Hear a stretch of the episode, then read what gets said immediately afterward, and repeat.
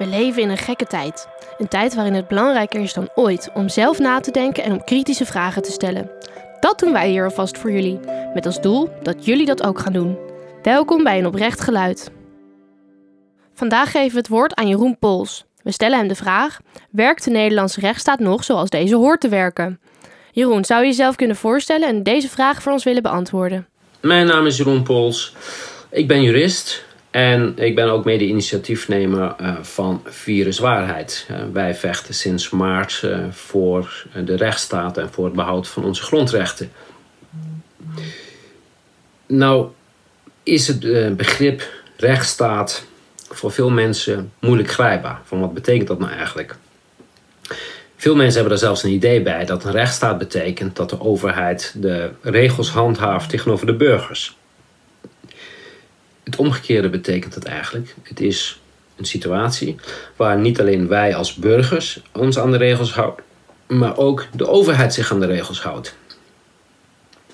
En de meeste mensen eh, die denken van nou, het zit in Nederland wel goed. Hè? De, de rechtsstaat, eh, daar, uh, ja, dat is gewoon iets wat altijd blijft. En dat in Nederland is zo goed geregeld. Um, de vraag of dat zo is. Hè? Want we kijken altijd naar landen als Hongarije of Polen als ze over de rechtsstaat hebben.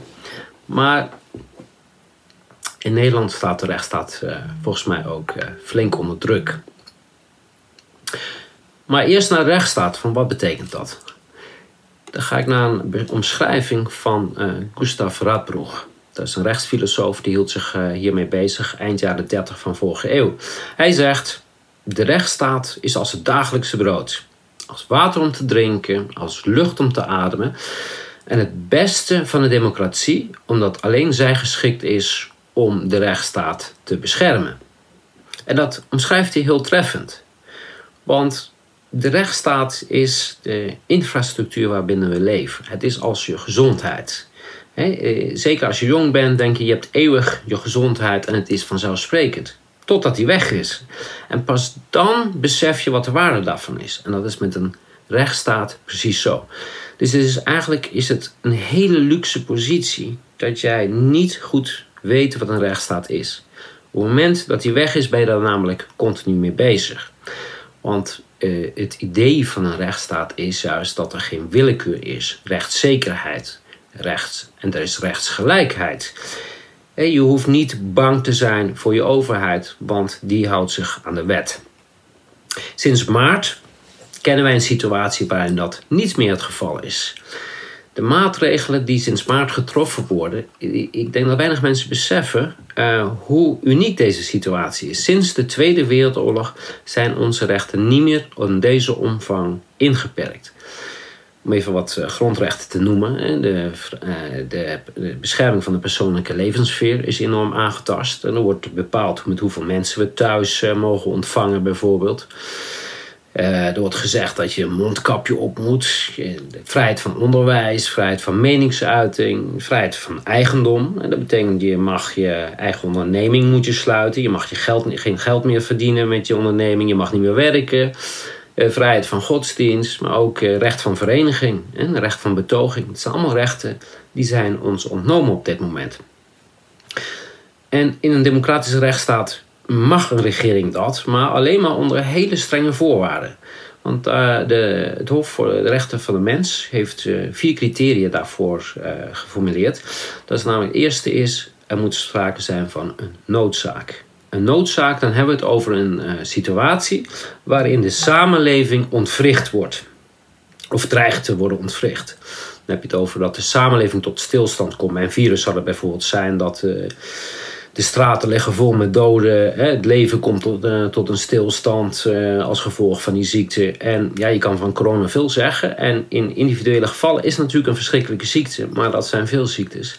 Maar het ontwricht niet onze samenleving. En daarmee is niet voldaan aan de eerste vereisten. Overigens, de maatregelen ontwrichten wel onze samenleving. Dus die maatregelen zijn eigenlijk wel een nood, is op zichzelf een noodtoestand. Het tweede eis is de proportionaliteitseis. De maatregelen moeten eh, in verhouding staan tot het gevaar wat daarmee wordt bestreden. Daar hoort ook bij dat je gaat bekijken van Ja, wat voor schade leveren die maatregelen op en wat voor voordelen hebben we daarvan? Nou, ik kan je verklappen, die afweging is nooit gemaakt. En daarmee is ook dat al onrechtmatig. Derde beginsel is subsidiariteitsbeginsel. Alle mogelijkheden moeten bekeken worden die minder ingrijpend zijn. zijn er geen andere maatregelen die niet zo, eh, onze grondrechten zo inperken? Ook niet gebeurd. En de vierde, ook een hele belangrijke, de maatregelen moeten ook nog geschikt zijn om het doel te bereiken. Er bestaat geen enkel bewijs, en dat heeft men ook toegegeven, of die anderhalve meter werkt bijvoorbeeld. Eh, maar ook al die andere maatregelen, niets is onderbouwd. Dus daarmee staat het gewoon vast, het is onrechtmatig wat er gebeurt.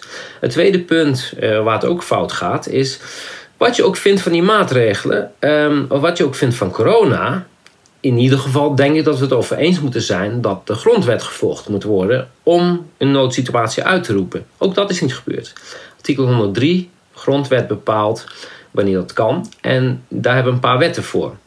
En als je die wetten volgt, dan mag je de noodtoestand uitroepen of een gedeeltelijke noodtoestand. Maar het is uiteindelijk wel het parlement wat over deze vrijheden gaat. Dus het moet daarna gelijk aan het parlement voorgelegd worden. Is niet gebeurd.